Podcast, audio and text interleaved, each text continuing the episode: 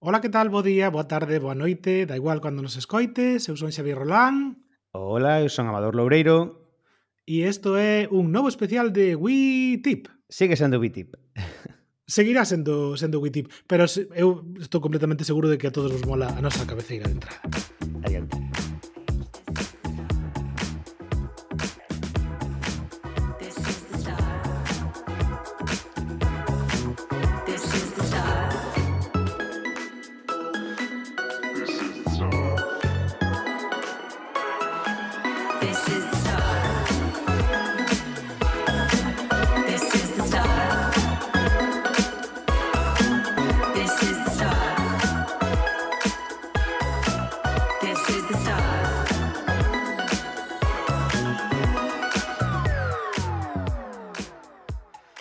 ben, Amador. Bueno, pois estamos xa en, en outono, ben entrado xa outono. Pois Puxaches a calefacción?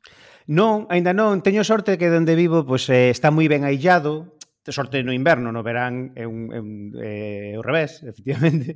Pero non, de momento, de non. Aparte, aparte que, a ver, eu son de, de Ferrol e de, bueno, e de vida máis ou menos normal, eu son de bata, de bata de casa. Eh, eu vou, no, vou me sincerar con todo o mundo. Bata de casa, zapatillas, estas cousas. Mantita. Okay, xa, xa temos titular para, para o capítulo de hoxe. Non sei se hai fotos, pero seguro que en algún sitio hai algunha foto miña. Tes unha batamanta? Eh, non, non, cheguei tarde, ou chegou tarde a batamanta, pero tería, eh? Quer dicir, se lle cadrase, pois a tope con ela. Eu cheguei a, eu cheguei a ter algunha por a, por a casa, sí. Tiña manta normal. Bueno, era... Bata e mantita por, por riba e, e isto. Moi ben, moi ben. Pero bueno, bueno esta pois, época... Pues esta época de titular, xa non sei como imos a seguir, eh?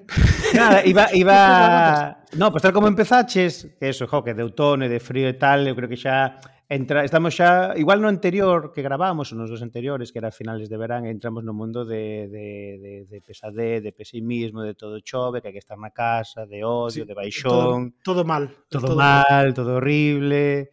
E, e joder, pois, igual podíamos falar un pouco de eso, de, do mundo haterismo en xeral, en abstracto, de, de odiar a todo. Podemos empezar con sí. cousas que non nos gustan da tecnoloxía que Cousas que pois non nos gustan da tecnoloxía. Mira, eu teño unha, eh, aproveitando que estes días hai moito furor con Apple. Uh -huh. eh, e sigo entre Cando 15, non. entre 15 e 20 15, 20 blogs ou, ou sitios dedicados a, ao mundo Apple. Ollo, Apple que é unha empresa que non gasta un peso en neste tipo de accións publicitarias, non como Samsung, non, por exemplo. Pois eh, odio, vale, admito abertamente, odio todo este fenómeno fanboy que acontece coa, coa marca e, e, e nomeadamente acaban de presentar uh -huh. máis aló dos MacBooks, non? que presentaron presentaron un, un maldito pano de limpeza de pantallas que costa en España 25 eurazos e hai xente que o defende.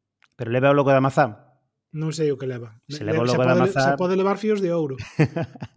E limpara ben. Eh, y, y, ese rollo de opinión, ¿por qué creo yo que la, eh, la gamuza es eh, una muy buena inversión? Pero, tío, o sea, cada un gasta os cartos no que quere, non? Pero, Está claro. a ver, non me veñas agora defendendo e, e non soporto. Cada vez me dá máis rabia porque porque recoñezo que eu estou dentro do ecosistema Apple e que me gustan uh -huh. moito eh, algúns dos seus produtos, Pero, a ver, hai que ser tamén críticos. Sí. A ver, igual leva, leva algo integrado que non sabes. Ti imagina que cando pasas a gamuza, depois de paso limpa antivirus. Ou che valeira a papeleira, ou eu que sei, ou organiza sí, as cousas, ou estaría guai, o, Ou non? leva, leva a vacina do, do COVID e leva 5G. Ostras, pues xa sería un puntazo, vamos.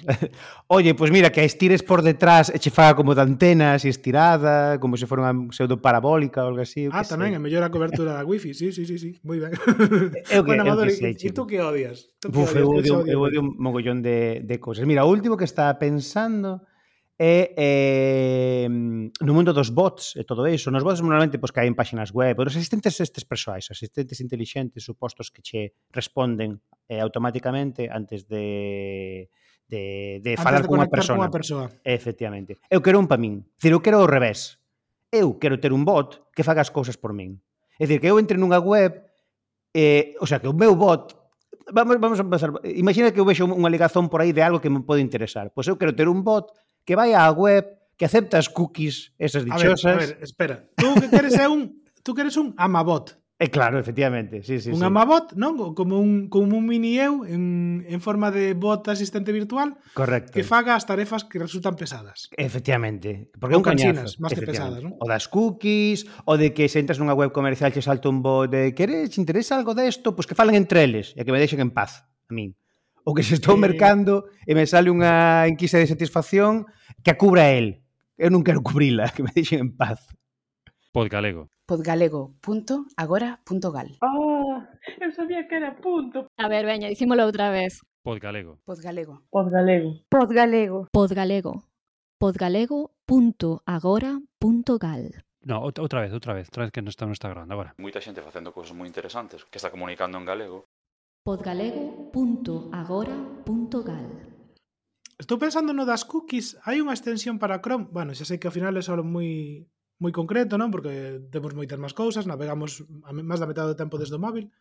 Pero hai, uh -huh. hai unha extensión que se chama I don't care about cookies que uh -huh. funciona relativamente ben para, para aceptar por defecto as, a, as cookies. Pero ao mellor o que facía falta era un, un bot que lle dera collejas a, aos reguladores da Unión Europea non para corregir todo isto. Sí, to, eh, algo que, que, que, que me libere de, de traballo e que, e que quite de, desas cousas. Eu para das cookies, bueno, en xeral, digamos, eu teño por defecto bloqueado eh, o JavaScript en os navegadores en todas as páxinas. entonces con eso normalmente pues xa me libero de moitas historias ao principio, se o que quero é simplemente ler. Claro, pero hai certas funcionalidades que, que non podes claro, acceder a sí, elas, sí. non? Se desactivas sí, sí. O, o JavaScript. Sí, pero normalmente cando entro en, en webs é para, para ler, simplemente non interactuar, e se quero interactuar, pois, pues, pois pues, que lle quito a esa eh, e, e punto. E, e despois outra cosa que, que odio, pero bueno, estamos progresando a eso, son, son os cables. Quitar cables de encima. Os cables son que, atrás. Ah, vale, vale, vale. Eh, entón, agora pregunto, chamador, eh, Wi-Fi, Wi-Fi ou Ethernet? Eh, pois pues Wi-Fi, tío. vale, vale. No, sí. que normalmente, cando falo con alguén do tema de cables e tal, eh, avances moitos, pero siguen preferindo estar conectados por, por Ethernet. Claro, por, por cabo tes, pois, pues, a mellor máis estabilidade, máis fiabilidade, eh, posiblemente máis eh, a, a latencia sexa moito menor e a velocidade pode ser máis máis alta en, en, en, en ancho de banda constante. Eh, Pero pero un cable un atraso, chico. un atraso, GDs en todos lados, armas, eh, pensa nos nos dos auriculares que, que usamos, nos cables de corriente. Ahora que falaba eh, que montou creo que Ikea, non? Que sacou un xa un mueble ou algo así sí, que leva como leva, cargador leva na integrado. mesa. Sí, eh, creo que creo que falei disso en algunha newsletter na, en algún momento. Claro. Pero... Pois pues, Ti imagínate, pois, por exemplo, na tua facultade, que todas as mesas tuveran algo así, que a xente fora co portátil o pousara encima e xa estuvera cargando mentre está traballando. Oye, non digas moi alto porque eh, estamos tendo moitas queixas por, por este tema. Porque non teres é, é eh, normal, porque ao final temos como por cada unha das son fileiras, non? Eh, uh -huh. fileiras con pois destas autocadeiras que lle chamo eu. Agora. Ahora mesmo non sei, 7 8 por cada fileira, pero claro, enchufes hai dous ou tres. Claro. Eh, e a xente eh, non trae o a regleta da casa. Claro, non no só eso, que tampouco podes conectar moitos ordenadores a unha regleta porque ao final o punto de luz segue a ser o mesmo. Entonces tampouco claro. podes sobrecárgalo. Tampouco podes, xusto, non podes sobrecargalo. Así que eh, nenos, nenas de 21, 22 anos eh, que escoitedes isto na facultade, no, isto fádelle para adiante, no, ou borrar esta parte do, do, do capítulo. Eu reafírmome en que para min o mellor invento tecnolóxico do século do, do novo século no que estamos, porque a veces parece que seguimos todavía arrastrando cousas do século XX. Creo que é o Bluetooth... Pola xeración que somos. Pues, creo que é o ah, Bluetooth. ah, Bluetooth. Mm... Que axudou moito a, a, Home, sí. a, a toda esta... a eliminar moitos cabos da, da mesa. Para min, creo que o Bluetooth a, a estas alturas sea o suficientemente fiable eh, e, a ver, non che digo que sirva para conexións máis fortes, tipo conectar unha pantalla de sen fíos, uh -huh pero creo que axudou moito, moito, moito. Mm, eu, eu iría mirar un pouco máis... Eu, mm, Vale, concordo contigo e que, joe, o Bluetooth agora mesmo xa é xa non é unha cousa que che viña nos primeiros no que non sabías moi ben para que a querías, porque pff, para que querías ti o Bluetooth en ese Co, móvil. Como é hoxe en día o NFC. Claro, efectivamente, a mellor non sabías moi ben para que para que o necesitabas. Pero estaba, agora que comentabas, agora que non o pensara moito, pero e non o reflexionei, eh, digo sobre a marcha, pero estaba pensando nos protocolos de sen fíos de, da internet das cousas, estas dos IoT, o Zigbee eh, e similares, que utilizan pois, pues, as bombillas, eh, os enchufes eh, inteligentes, todo iso. Mm, toda esta protocolo parte de que... domotización da casa, non? Efectivamente. Uh -huh. Sí, porque, mm, claro, se queres facer esas cousas, Bluetooth non che chega, se usas wifi pura e dura as, os 82, eh, 802.11 ABCG, etc pff, saturas a, a rede, porque xa temos bastante saturadas entre móviles, eh, sí. tabletas, eh, portátiles, etc. De feito, Entonces, sacar... hai unha cousa que a xente non sabe, e que eu creo que é importante destacala. Moitas veces cando, cando compartimos o internet do móvil para estamos nun sitio que non hai wifi ou hai unha wifi a que non podemos acceder porque non temos a, o contrasinal creas unha rede eh, wifi que compartes desde o teu móvil, pois esa rede ao final interfire coas outras wifis. E, uh -huh. e, e están competindo por o mismo ancho de banda, co cual a calidade da, do, do sinal vai a ser peor no, para todos. Eu creo claro, que é unha mala xeral... práctica e a xente, moita uh -huh. xente non o sabe, Eh, e iso pasa moito, por exemplo, en, en bibliotecas públicas, non? que hai moita xente claro. eh, eh, eh, que se conecta, digo bibliotecas públicas porque é o primeiro sitio que, que penso no que hai wifis de, de acceso case de balde ou, ou, ou accesibles uh -huh. gran maior parte do público e que, que despois non se pode acceder a elas ou, ou non lle dan boa sinal porque están interferindo as redes da xente que comparte a conexión desde o seu móvil ao seu computador. Claro. Sí, sí. Eh, estaba pensando agora, eh, mentras falabas de eu non teño, a verdade é que non teño esa, esa experiencia, digamos, non de, de primeira man de, pero claro, ti entre a mocidade agora mesmo igual eh, porque eu esa parte xa saltei, decir, non cheguei a vivila. Esa parte de que eu iba co meu portátil ou tablet que sea aos sitios e máis o meu móvil e o meu móvil era a rede wifi para iso non o vivín. É dicir, vivo agora de forma moi puntual, de vez en cando iso. No, eu vivo, Pero, vivo, a diario. Vivo a claro, diario. De moi... feito, eh xa o, o feito de que case o, o promedio de dispositivos por persoa está, eu digo, creo que está entre un 1,5 e 2. Uh -huh. Quero decir, a xente xa non vai solo co seu móvil ou, ou móvil e tablet ou, ou móvil e portátil, a veces móvil, tablet e portátil, ese non é só o alumnado, quero decir, xente que xa. se mova un pouquiño, eh, ao final tamén vai vai Ujú. vai así, estamos cargados de trebellos, eso é certo, e por máis que, mira, unha outra cousa que odio, odio que lancen novos produtos que van a sustituir non sei que, e ao final o que fan é crear un novo segmento de mercado eh, tablet. La tablet iba a acabar con el ordenador. Y non, ao final Ujú. hai ordenador, hai tablet, hai teléfono, hai teléfonos con unha pantalla que parece unha tablet, hai tablets pequeniñas que Ujú. parecen teléfonos. E despois hai ordenadores eh, potentes tipo gaming e os ordenadores eh, ultrabooks que, que teñen menos forza que unha tablet potente. Non sei, hai demasiados produtos no mercado e deberíamos simplificar. Pero tamén hai moita xente con casos de uso distintos entendo que hai, hai depende da de persoa de como traballe, dicir, a mellor unha persoa que está todo o día diante dun ordenador, pois como a mellor, bueno, ti non que tes clases e tes eh, eh docencias e tal, pero o traballo é puramente destes de oficina, digamos, non? Sí, que cada vez son menos, este... entendo eu, non? Quero dicir, siga vendos, desde logo, pero cada vez a, a fronteira, ese é un debate que temos que ter nos próximos anos, a, a fronteira entre o, mm, o traballo nun, nun sitio con un gri, atado a un grillete, non? A unha a unha cadeira e a unha silla e nunha oficina e, e na casa e tamén por eso o éxito da nube uh -huh. por a mobilidade e porque se difuminan un pouco as fronteiras entre o persoal, laboral e, e creo que é un debate ver, de fondo calado tamén Sí, sí, pero eu referíame máis ben a, ao feito de estar diante de, de, de eso, dun computador, sexa un sobremesa, sexa un portátil, pero un, un ordenador normal, con un Windows ou un macOS ou, ou, ou que sexa, de, de traballo todo o día, no que, bueno, pois pues, tes as túas aplicacións, o que sei, de bases de datos, o que sexa, e, e a túa suite ofimática, e máis o teu navegador e todo iso, cando acabes traballo, despois das 8 horas, cando acabes de traballo, tes a tua vida persoal. A mellor durante ese horario de traballo tamén estuveches a tua vida persoal. Ah, e a mellor eh, na vida persoal tamén tes cousas de traballo. E tamén ao revés, efectivamente. Pero a mí non che apetece pois, encender o teu portátil, o teu ordenador e, pois, oye, mira, para mirar o correo que te perdiches durante o día, para mirar catro webs ou, ou catro vídeos e tal, pois, te sentas no sofá e colles un tablet che moito máis cómodo. Eu, por exemplo, é o meu caso de, de uso. Ah, eu normalmente... Sí, neso mm. concordo, mm... pero porque son dispositivos de, de... O sea, eu creo que hai que diferenciar entre dispositivos de consumo e dispositivos de uh -huh. producción.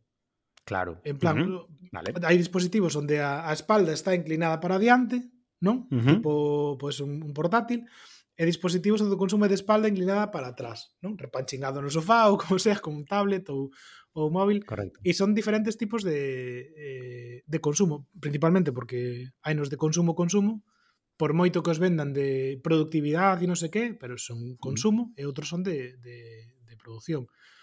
Jo, eu creo que mm, para min, se si, si hai un produto que creo que se comería o mercado, e, e creo que isto non é unha idea miña, eh, que xa tuvo que telo máis xente.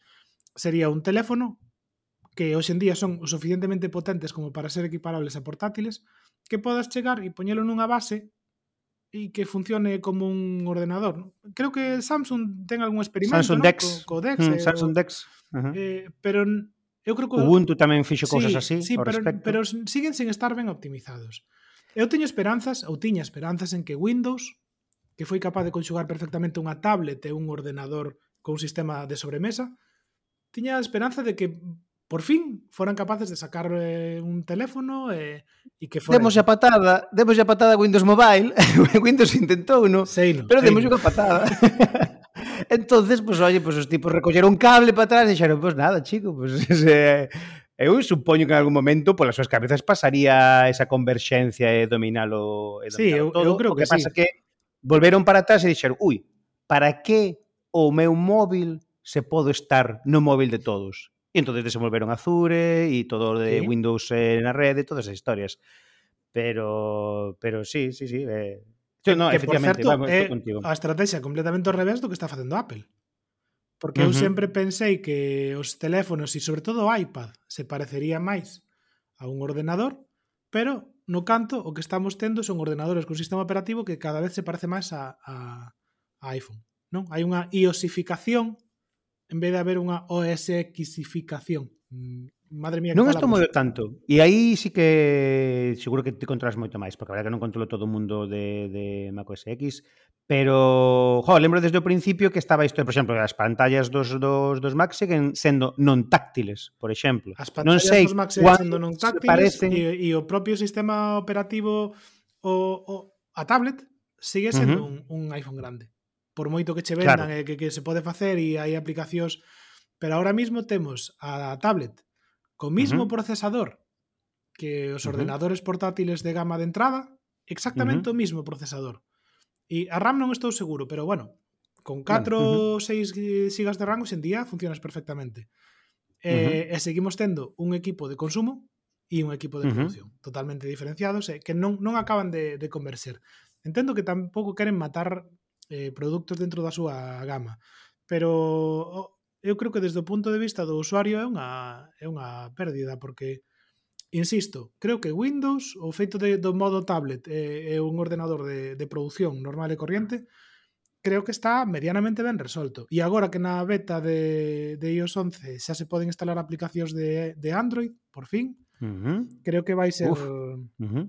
creo que vai ser un, un, un revulsivo. Vamos, estou totalmente seguro de que axudará a deter a sangría de, de perda de usuarios que están tendo nos últimos anos. Eu, eu vi a verdade que levo, decir, sigo esperando, porque eu vi, ou tiña a sensación de que o camiño de Apple era bastante claro na converxencia desa, pero parece que aínda non dan o, o salto e que aínda siga cousa así. Non sei se o mellor van primeiro pola integración de hardware, é dicir, no momento en que teñas Pero si xa teñen o mesmo todo. chip. Xa teñen todo claro, pero, ahora mesmo. Claro, pois pues, efectivamente, pois pues, agora que tes o mesmo chip para prácticamente todo, o desenvolvemento de software é muitísimo máis fácil, simplemente Just, pues, no, eu, eu creo que son compartimentos estanco, eh? os, o, ¿Sí? o de, os departamentos... Non falan de, entre eles? Eu estou, vamos, a ver, non o podo garantir ao 100%, pero por como son os produtos ou como están diseñados, ¿Mm? eh, me dá a sensación de que os, os desenvolvedores de, de Mac, de OS X, van por un lado, de Macos, creo que se chama ahora, eh, van Ajá. por un lado e os, e os outros están nunha, nun, nunha pecera. No, nun edificio distinto. Sí, sí, Viven sí. outro planeta. É un pouco como como os, des, os desenvolvementos de, da suite de Microsoft para Windows e para Mac, que tiñan configuracións totalmente uh -huh. diferentes e como, a ver, chico, pero non é o mesmo produto. O que non podo ser é que, que... que salte de sistema uh -huh. operativo e que teñas cousas, o sea, e menús e opcións que non son accesibles, non sei, non e, e creo que en, claro. creo que en Mac eh, eh, estou totalmente de acordo co que dis, o sea, ahora mismo eh, a nivel hardware é, é que é todo seu, prácticamente. E, e además, eh, o chip é unha pasada. O, uh -huh. o sistema é unha pasada. Li un artigo esta semana que ten bastante razón en como eh, aínda que non vayas a ser usuario de Mac no futuro, no futuro, si vas a utilizar estes, este SOC, este System on Chip e este, este conxunto de microprocesadores de baixo consumo ou de eficiencia e outros de, de alto rendemento, porque incluso Intel é o que vai lanzar agora mesmo, porque seguro que AMD pronto cae da pronto cae da burre, tamén lanzará o seu propio procesor nesa liña. Google creo que acaba de lanzar un teléfono que tamén ten este tipo de, de chip que conxuga eh, baixo consumo por un lado e, e alto rendemento por outro. Eh, e eu creo que dos, dentro da informática vai ser o salto nos próximos, nos próximos anos. E o que nos vai axudar bastante tamén a mitigar o impacto do, do bueno, este moi, moi heavy decir isto, non? pero o impacto do cambio climático con consumos máis eficientes e unha demanda uh -huh. enerxética menor do habitual. Tío, que eu teño un Mac que ahora mismo está consumindo por normal un 2 vatios. O sea, eso claro. é increíble. Uh -huh. Eso non, sí, sí, non, está non, claro. Jo.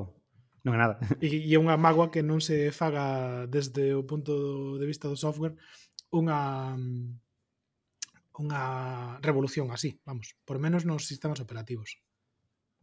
Temos apunta aí para outro para outro episodio, porque dos procesadores eh, é esta cousa efectivamente moi moi candente e agora a Unión Europea que vai sacar o seu propio procesador, eh, hai un desenvolvemento eh, liderado eh, creo que estaba liderado por, por equipos ingleses, porque bueno, os ingleses desenvolveron son propietarios de varias licencias e un deles é o, o a tecnoloxía RISC, eh, que open source, entonces toda esa parte da Unión Europea que quere, e, e con toda a razón do mundo, pues, de desligarse da dependencia tecnolóxica de terceiras zonas eh, xeopolíticas do, do planeta, pois sobre todo para servidores e cousas destas queren sacar o seu propio procesador. Están en eso, xa hai, un, xa hai ahora mesmo un, un procesador eh, eh, beta diseñado principalmente para, para servidores de grandes servidores e centros de datos e, e cosas destas, pero a cousa efectivamente está aí no mundo de... Claro, que este, de, ahora a cuestión xopolítica é interesante, depender tanto de países asiáticos é complicado, cando hai problemas de abastecemento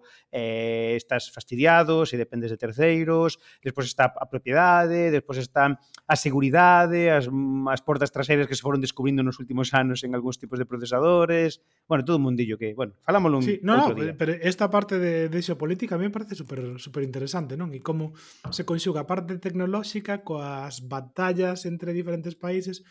A ver, sei que todos estaremos pensando no, no caso de Huawei, Trump e todo eso, pero uh -huh. pero hai cousas máis, incluso cousas moi rocambolescas, non? Como ARM que, uh -huh. que non é China, pero ten unha filial china, a filial china acaba de romper os lazos e, e só pode vender en China, eso, o sea, cousas moi locas que...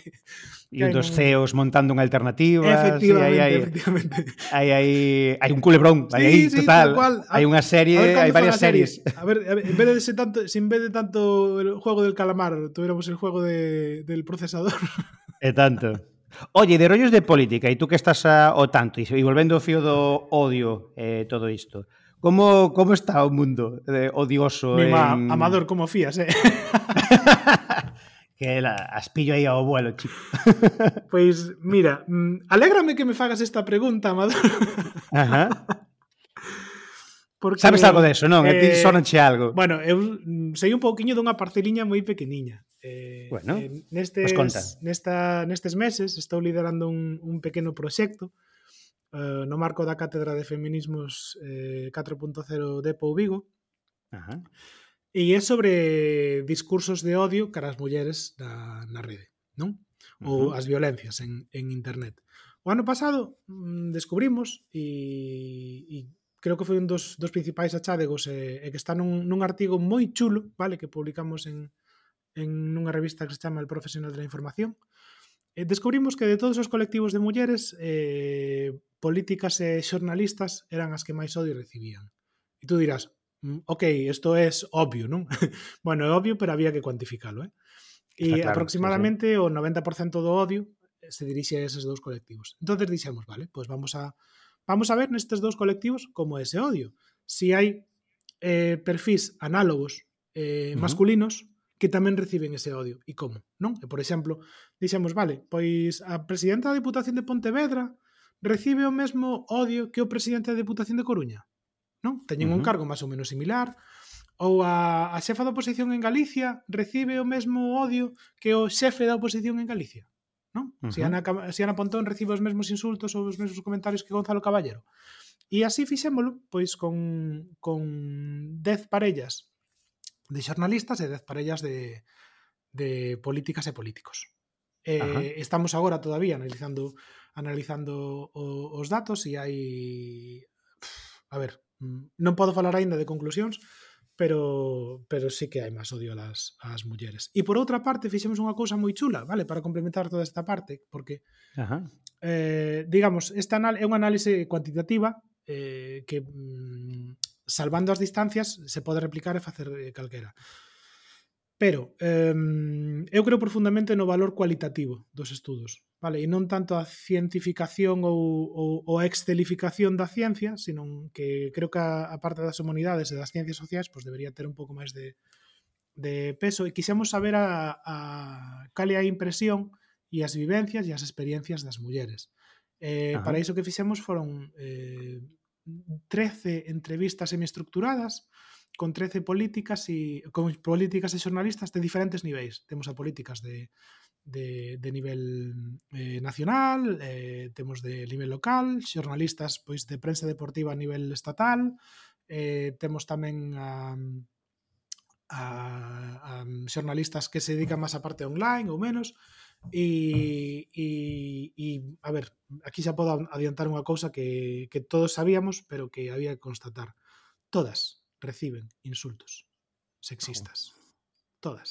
Joder. Uh -huh. em, em, estou Estou, a verdade que me sinto e insultos sexistas, entón, sí, eh, sí, sí, sí. en, en goberno, non insultos simplemente por por colores políticas no, ou por no, opinións, no, no, sino no, no. Atacando directamente pola cuestión e desacreditándoas por o simple feito de ser muller.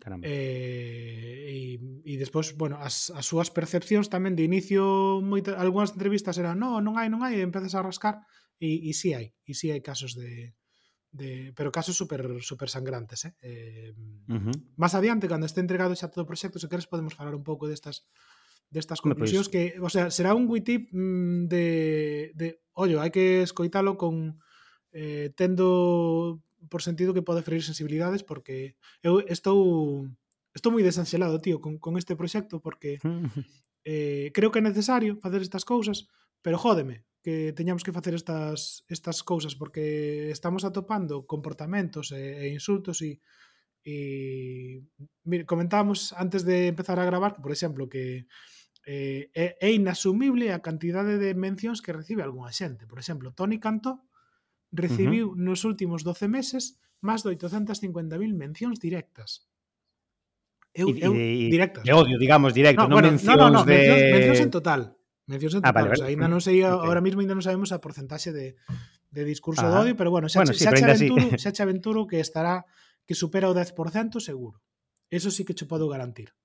Porque sí. porque é un resultado esperado, que este por encima do do 10%, sendo un home. Uh -huh. Vale, agora o que queremos sí, sí. saber é, pois, pues, por exemplo, Tony Cantó con respecto a Andrea Levy, como Ajá. sería a cousa? Ou non sei, algunha política de que teña ese mismo ese mismo nivel. Oye, está, está pensando agora, igual controlas. Eh, existen nos, por exemplo, en política, que é un caso mellor máis máis máis claro. Existen os ou, ou, ou bueno, eh, hai figuras como os captadores de odio, é dicir, personas en determinados partidos políticos que xa o partido político decide, mira, ti vas a ser o saco de boxeo, co cal poñemos aí e tú vas a... E, e para que, digamos, que se centren en ti e o resto pois queda un pouco máis de rositas ou algo así. A ver, abertamente non. Abertamente uh -huh. non se fai, non se fai así, pero xa se sabe cando se crea certo cargo de de portavocía ou de ou de darlle máis visibilidade é porque sabes que vas a acaparar ou que vai a acaparar máis a atención e moitas veces faise como protección de. Claro, eh, eso me eh, refería. Centralizar o sí. foco. Sí, sí, Aí, sí, eh... sí se fai. Si se fai, de feito, constame de maneira implícita nalgún, nalgún caso que, que uh -huh. se asume certo nivel de protagonismo para salvaguardar a estrela, non por así decirlo. O sea, como, é como que un poquito pensando... máis de forza ao teloneiro ou teloneira, vale? Para darlle un pouco, para protexer. Sabes, mira, a min recordaba moito o que pasou na, na última etapa de Zapatero, que, que claro, todo foi estopa por a crise de, de 2008 e quen, quen uh -huh. recibía os paus era María Teresa Fernández de la Vega o sea, asumía, uh -huh. e de feito el deixo de ter declaracións públicas para, un pouco para salvagardar a súa a súa imaxe e eso pasa en todos os partidos, uh -huh. en todas as, quero decir, son dinámicas son dinámicas políticas, non é unha cuestión de colores. Xa, pero, pero, e, e por encima de diso nas empresas que levan redes sociales e cosas destas existe a figura de vamos a crear este perfil aquí? Quero dicir, porque quero pensar que eh, no caso de María Teresa, por exemplo, pues non era ela que levaba as redes sociales, igual de vez en cando miraba, había alguén por detrás, pero que xa ese perfil de persoa dentro dunha empresa que leva redes sociales dunha entidade, que temos que les levan a, digamos, a parte positiva de, pues, de a boa imaxe, sí, a pero temos tamén Pero temos tamén a parte B, no, temos tamén este pequeno departamento que está dedicado a, a levar todas as bofetadas que, e que, que suele ser tamén o mesmo departamento, Amador. ¿Sí? ¿Sí? Ah, vale, vale. Entonces é ambivalente. O que recibe as flores tamén recibe... Sí, sí, sí. sí, sí. De feito, é unha práctica moi extendida. Eh, eh, existe... Eh... Claro que se poñen, se non se poñen que queimará. O, o, que hai son tamén, o que hai son moitos perfis que axudan a mitigar o impacto deses, desas persoas as que queres protexer. Non creas unha serie uh -huh. de perfis para para non só para mm, eh, botar eh, bot, gabar non esa xente, uh -huh. senón para en, que en vez de esa persona responda as acusacións que veña este a defendelo. Claro. Sabes? Esa é unha técnica uh -huh. que se coñece como sock puppeting. Eh, ah, os uh -huh. marionetas de, non, en plan, pois pues, Como a Rana Gustavo que sabes cual, un... cual unha das un cando empecé a investigar sobre estes temas que foron o, o xerme da, da miña tese de doutoramento, un uh -huh. dos primeiros casos que vin de sock puppeting foi nos, nos albores das redes sociais 2008, 2009, 2011 creo que foi nas, nas eleccións municipais foi García Albiol. Ostra. Que tiña Dios lo tenga en su gloria. tiña unha así efectivamente o en o en sus paraísos fiscales. Ese. Eh, A, eses, a eses me refería. Pois tiña unha, unha conta, que non, obviamente non sabemos se era el ou era algún dos seus axudantes, pero tiña unha conta que que lle daba cera, non? Eh, un día publi eh, os sock puppeting só lo descubres cando alguén se equivoca de conta publicar, non? Entonces Mm, él publicou claro. algo así como ya me gustaría a mí tener un alcalde como García Albiol, un tío honrado, no sé qué, no sé cuánto, tal. E, e tutea, tute, o sea, tuiteando él como se fora o o, o, persona. o adulador, non? Claro. eh, non quedan registros dese, dese, dese tweet, obviamente. Solo capturas de pantalla e ese Ajá. dirán que son falsas, ¿no? como, como tantos outros. Pero sí, son, son prácticas habituais. Tamén che digo que as organizacións eh, xuven, eh, xuvenís de todos os partidos tamén se dedican a facer esta labor de, de protección e eh, difusión de, de certas ideas forza, vale? A favor e en, e en contra, quero decir, non é non é baladí que, que por exemplo en Galicia se, se ligue o bloque e chamando os bildutarras e eh, cousas así, non é casualidade.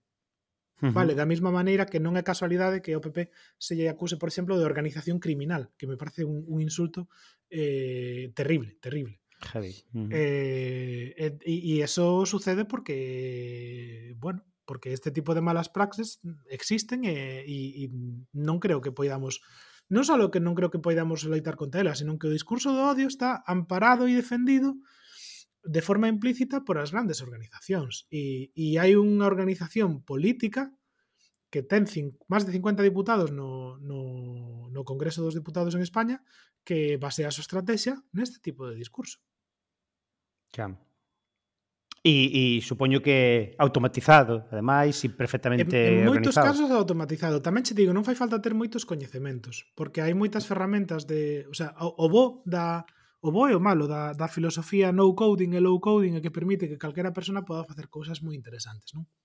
Entonces, é relativamente sencillo crear bots que tuiteen certos comportamentos de, ou certos tweets de certas persoas ou que autorrespondan con unha serie de, de, de conceptos. Hasta, hasta me atrevería a decir que relativamente sinxelo crear en base a unha inteligencia artificial que se realimente con certos contidos non ao nivel do que fixo Microsoft con, con Time, me parece que se chamaba, que aprendía dos comentarios, pero sí que sexa capaz de elaborar en base a certos conceptos diferentes respostas para que parezca unha persona real. Creo que non debería ser moi moi complicado o nivel o que está a tecnoloxía agora no ano 2021.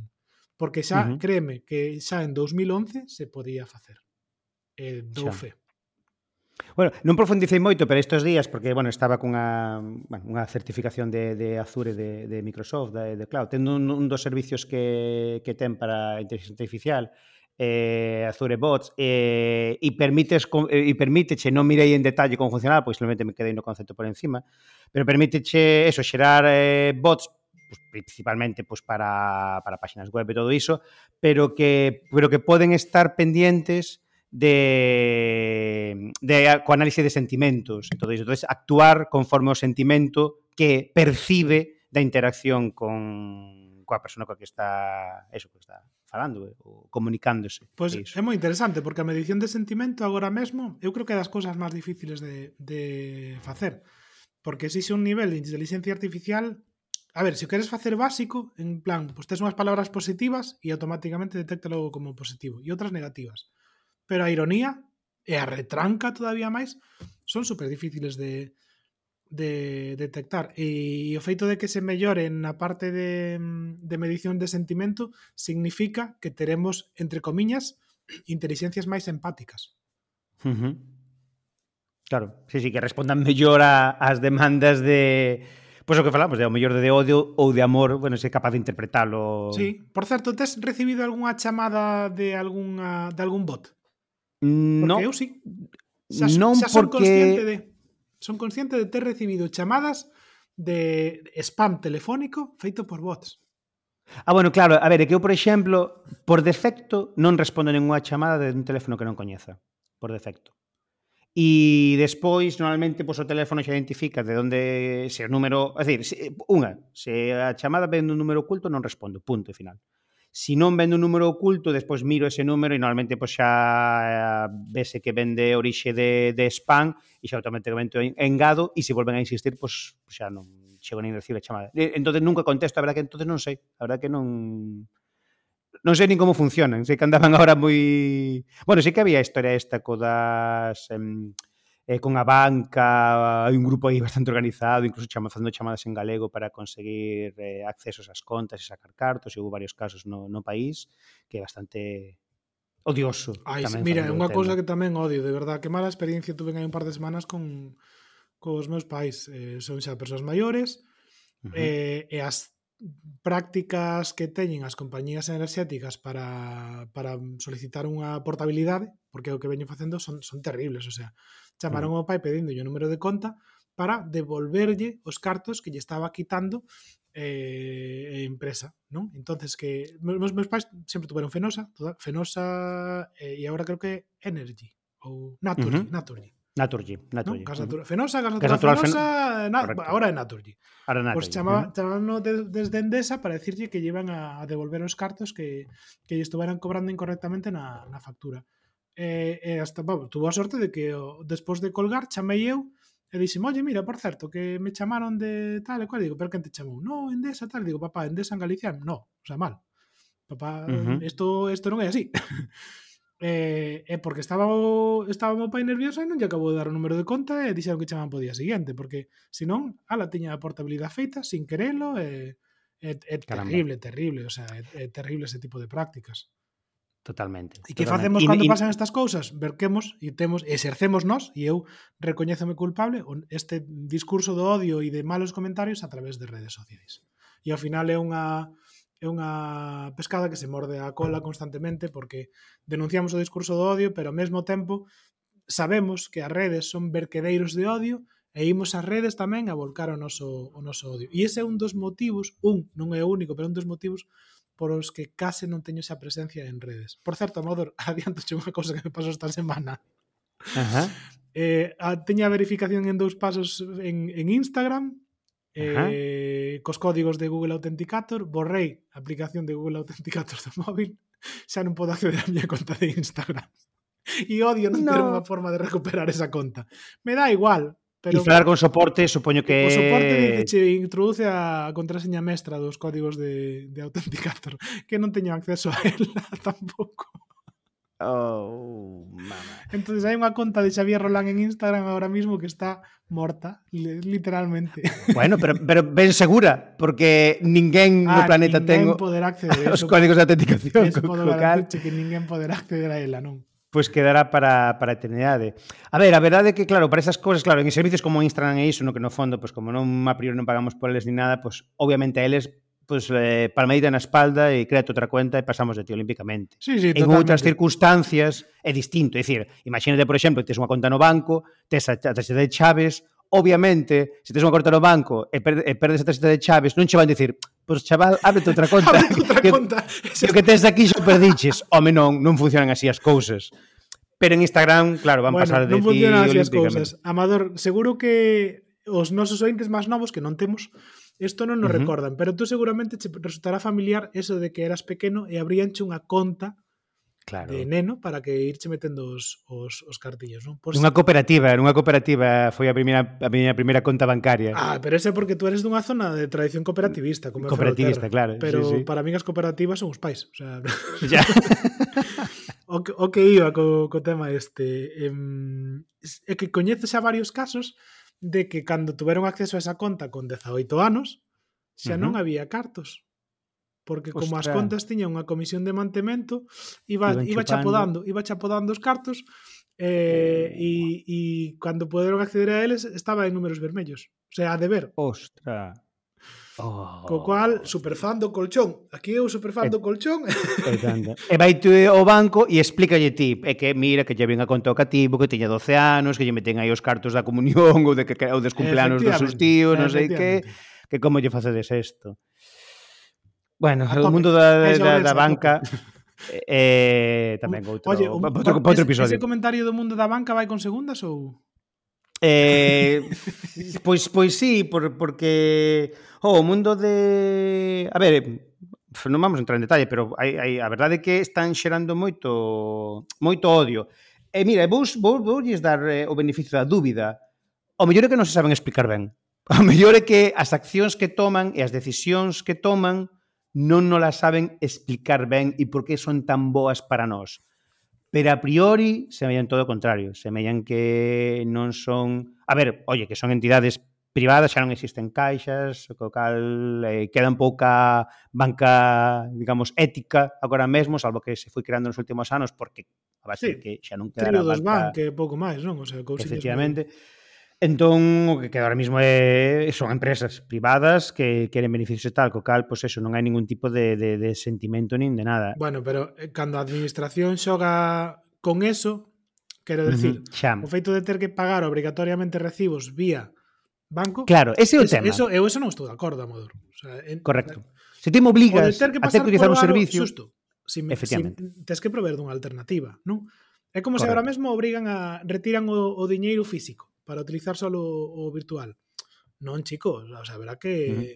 que prover de algunha De algunha a min pareceme ben se o retiran, pero que non me podese forzar a ter que ter por exemplo, pois eso, pois unha comisión e pagar por ter ese carto digital, por ter que pagar un, un mantemento adicional sí, o, encima o de eso e todo ter iso. Ter que pagar os recibos, ter que telos domiciliados. E se queres pagalo, uh -huh. vas a un día, a unha hora en concreto, que é como, a ver, a ver eh, de que estamos falando aquí, porque isto non é o século XVIII e isto non é un sistema feudal. O sea, non temos que uh -huh. irlle rendir pleitesía aos bancos. E dame pena por os traballadores. Porque, é que ese porque pagan, tema final. pagan o pato, e eh, así que me dá moita pena polos traballadores. E además a banca, creo que además é un sector que desde o punto de vista tecnolóxico, non fiando no que é o eixo deste, deste podcast, está a vivir un momento espectacular, porque eh, por primeira vez a banca tradicional ten moita competencia coa banca online, vale? Incluso a nivel de, de fondos de investimento e, e outro tipo de produtos digitais máis aló de, de hipotecas e, e cousiñas de, do día a día. E, uh -huh. e hai unhas semanas li unha noticia que me que me fixo reflexionar un pouco, non? Que foi o feito de que estén pechando oficinas constantemente, temos moitas queixas en Galicia, moitas moitas decisións de moitos concellos de retirar as contas de certa entidade porque pecha claro, a oficina e, o ao mesmo distribución tempo, que temos claro, nos Pero ao mesmo tempo eses, eses mesmos bancos están facendo unha aposta eh, enorme e, e facendo contratacións masivas de científicos de datos. O sea, eh, claro. para min é algo como, a ver, que non debería estar en conflicto o, o, mm, o, o feito de ofrecer un produto ou un servizo, eh, aparte é un servizo que para min é un servizo público, igual que internet, pero por simplemente por as propias dinámicas sociais que, que temos. Eh, e, eh, eh, eh, mentres pechas eh, oficinas por un lado, por outro lado contratas a, a outro tipo de profesional externo á banca, o que nunca tuvo que ver coa banca, para maximizar ou optimizar o, o teu produto? Non sei, non Bueno, non... sí, sí que tuvo que ver, pero mellor non tanto como ten agora, como tanta influencia como ten agora e con todos os produtos financeiros que, que existen e, e, e todo iso. Claro, eu tampouco non estou o tanto exactamente de como funciona en xeral, digamos, o mundo da, da, da banca.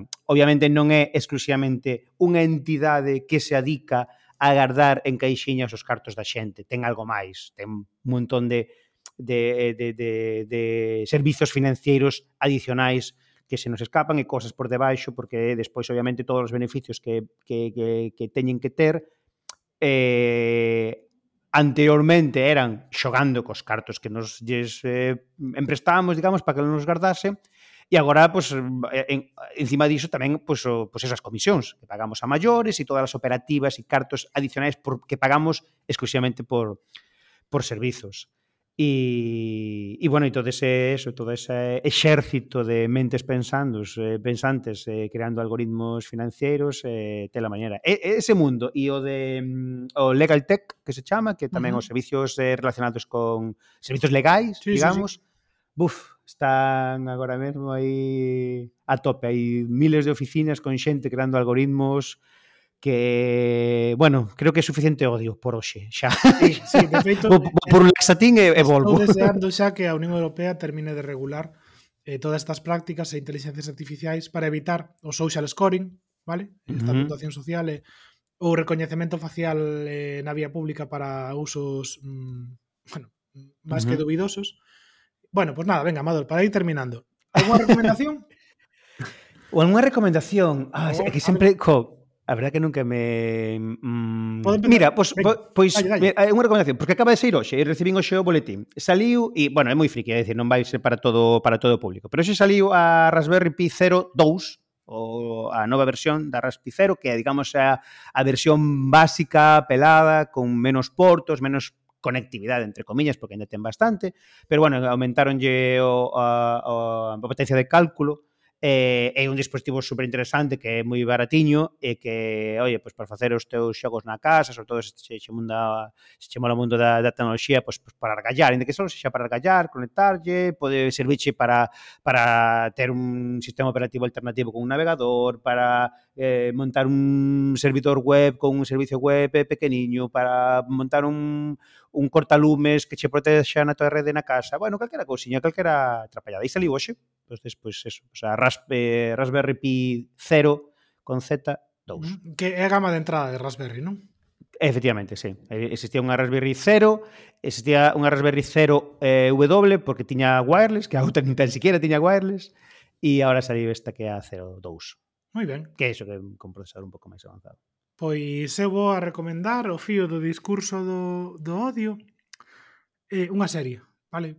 Vale. Pero unha serie que xa okay. ten un par de aniños posiblemente xa, xa vises ou a xente que, que, mm, que lle gusta o mundo das distopías, xa sabes, Amador, que eu son un fan eh, terrible e uh -huh. condicional das, das ucronías e das distopías, uh -huh. unha serie de HBO que se chama Years and Years, que vai narrando ah, a historia sí. dunha familia british non ao longo dos uh -huh. anos, eh, creo que termina en 2030 ou 2035, eh, e vese perfectamente a progresión dos discursos do odio, -huh. non? Eh, de feito, hai un episodio bancario tamén, por o medio, eh, uh -huh. discursos de odio con campos de concentración, eh, e, e creo que a estas alturas, por certo, o COVID non o viu ver, vale? E as anllas, no. isto non, non o viu ver, eso xa por diante, que me parece increíble. uh -huh. eh, e creo que a estas alturas xa deberíamos estar... Vou facer un pequeno spoiler, vale? É pequeniño solo. Deberíamos estar xa atendendo o funeral de, de Angela Merkel. Ah, é unha das uh -huh. cousas que salía xa ao principio da, da serie. Nada, se vos gustan as, as ocronías, eh, distopías, aparte, okay. é unha, unha distopía oscura, porque afonda moito nos, nos, nos usos perversos da, da tecnoloxía. Para mí é como Black Mirror, pero en, uh -huh. en distopía seguindo o futuro. Sigue moito a estela de, da, da, de, dos primeiros, das primeiras temporadas de Black Mirror. Years está guai pola... Efectivamente, sí, está joder, pues sí, a verdad que está moi guai. Aparte, sigo unha familia... Eh, a ver, a mellor é entre comillas, pouco creíble porque cada no, personaxe é, é como un hai, hai que saber estereotipo. que a familia é unha claro, excusa para contar a historia. É un estereotipo, sí. efectivamente. E cada perfil, cada persoa cumple un estereotipo particular e ves como interrelacionan entre eles e como evolucionan ao longo do tempo. Justo, pero sabendo, sabendo eso, sabendo que son estereotipos e que realmente son pegotes uh -huh. que, que funcionan porque a historia funciona, Correcto. Eh, sabendo isto, pues, deixadevos levar por a por aí historias dinámicas e, e, e despois se, se queredes terminar, pues, terminade con un corto de animación chulo, vale? Porque deixa uh -huh. bastante desangelado cada cada un dos, dos capítulos. En, eh, ao final eu acabo vendo sempre cousas moi frías e, e oscuras, distópicas. Porque Pero tampouco hai distopías bonitas, tío. Eh, a ver, sí, está eh, Mago de Oz, eh, cosas destas, non? Bueno, bueno, sí, bueno, bueno. Por certo, Mire, con, contos clásicos. Que teño unha, teño unha idea na cabeza desde hai moitos anos para unha novela distópica ambientada ah, en Galicia. Home, pois... Eh, podo, pode, che, o sea, o punto de partida o, o punto Jónbaro ou Jónbaro, como se, como se diga, é a batalla de Toro en 1476 Jesús bendito, eh, que empezas atrás. Conteos partidarios de Juana la Beltraneja, ¿vale? A nobleza galega, a nobleza portuguesa, realmente sí ganan a batalla de Toro. Mm. E o descorrer histórico é diferente entre a coroa de Castela e a coroa de Portugal. Oh, total. E hasta aí podo ler. Home, pero fala aí os de Cos de Porto Cabo, unha produtora destas galegas que hai aí filón, a toda o mundo coira Eh, sí, sí, eh, eh, entraría, eh, pero a min a verdade que... Directores, guionistas e iso, teñen aí un filón. Gustaría primeiro plasmala en... No, a mellor non como novela, a mellor como un relato curto ou Tú velo, ves a... O sea, oh, sí, sí, totalmente. Oye, fai un podcast aí, fai, dividio en seis episodios ou así, e te fas unha mini historia de, na que vayas, vas narrando en cada episodio un, o que vai pasando en épocas de ano que non che dé pois, tanto chollo como eh, eu. Eh, que saibas tamén que, que Tere ten, ten unha idea, non é tan friki como a min para este tema, pero ten unha idea super chula na que, mm, na que o golpe de estado do 81 eh, funcionou. Funcionou. funcionou. Uh -huh. E as Olimpiadas de Barcelona 92 eh, foron baixo un novo réxime franquista. hasta aí hasta aí podo ler xa a historia. O sea, Ostras. desde cada un que imagino que o que queira, non? Ui, guai. Bueno, eh, levantamos un pouco aí a, a parte hater con un pouco sí, de un pouco luz ao final de, do túnel. A sí, ver. Luz, luz distópica ao final do túnel. Bueno, pois pues, nada, vamos a deixar aquí este odioso episodio eh, prometendo uh -huh. que o próximo terá un pouco máis de, de luz ou por lo menos de color Prometeralo tú, eu non prometo nada. Eu prometo, porque ao final xa sabes que as promesas sempre se poden romper. Efectivamente. Moi ben, pois un abrazo grande, gordo, chao. e pasedes boa tarde, boa mañá, boa noite, da igual cando nos escoitedes. Chao, chao.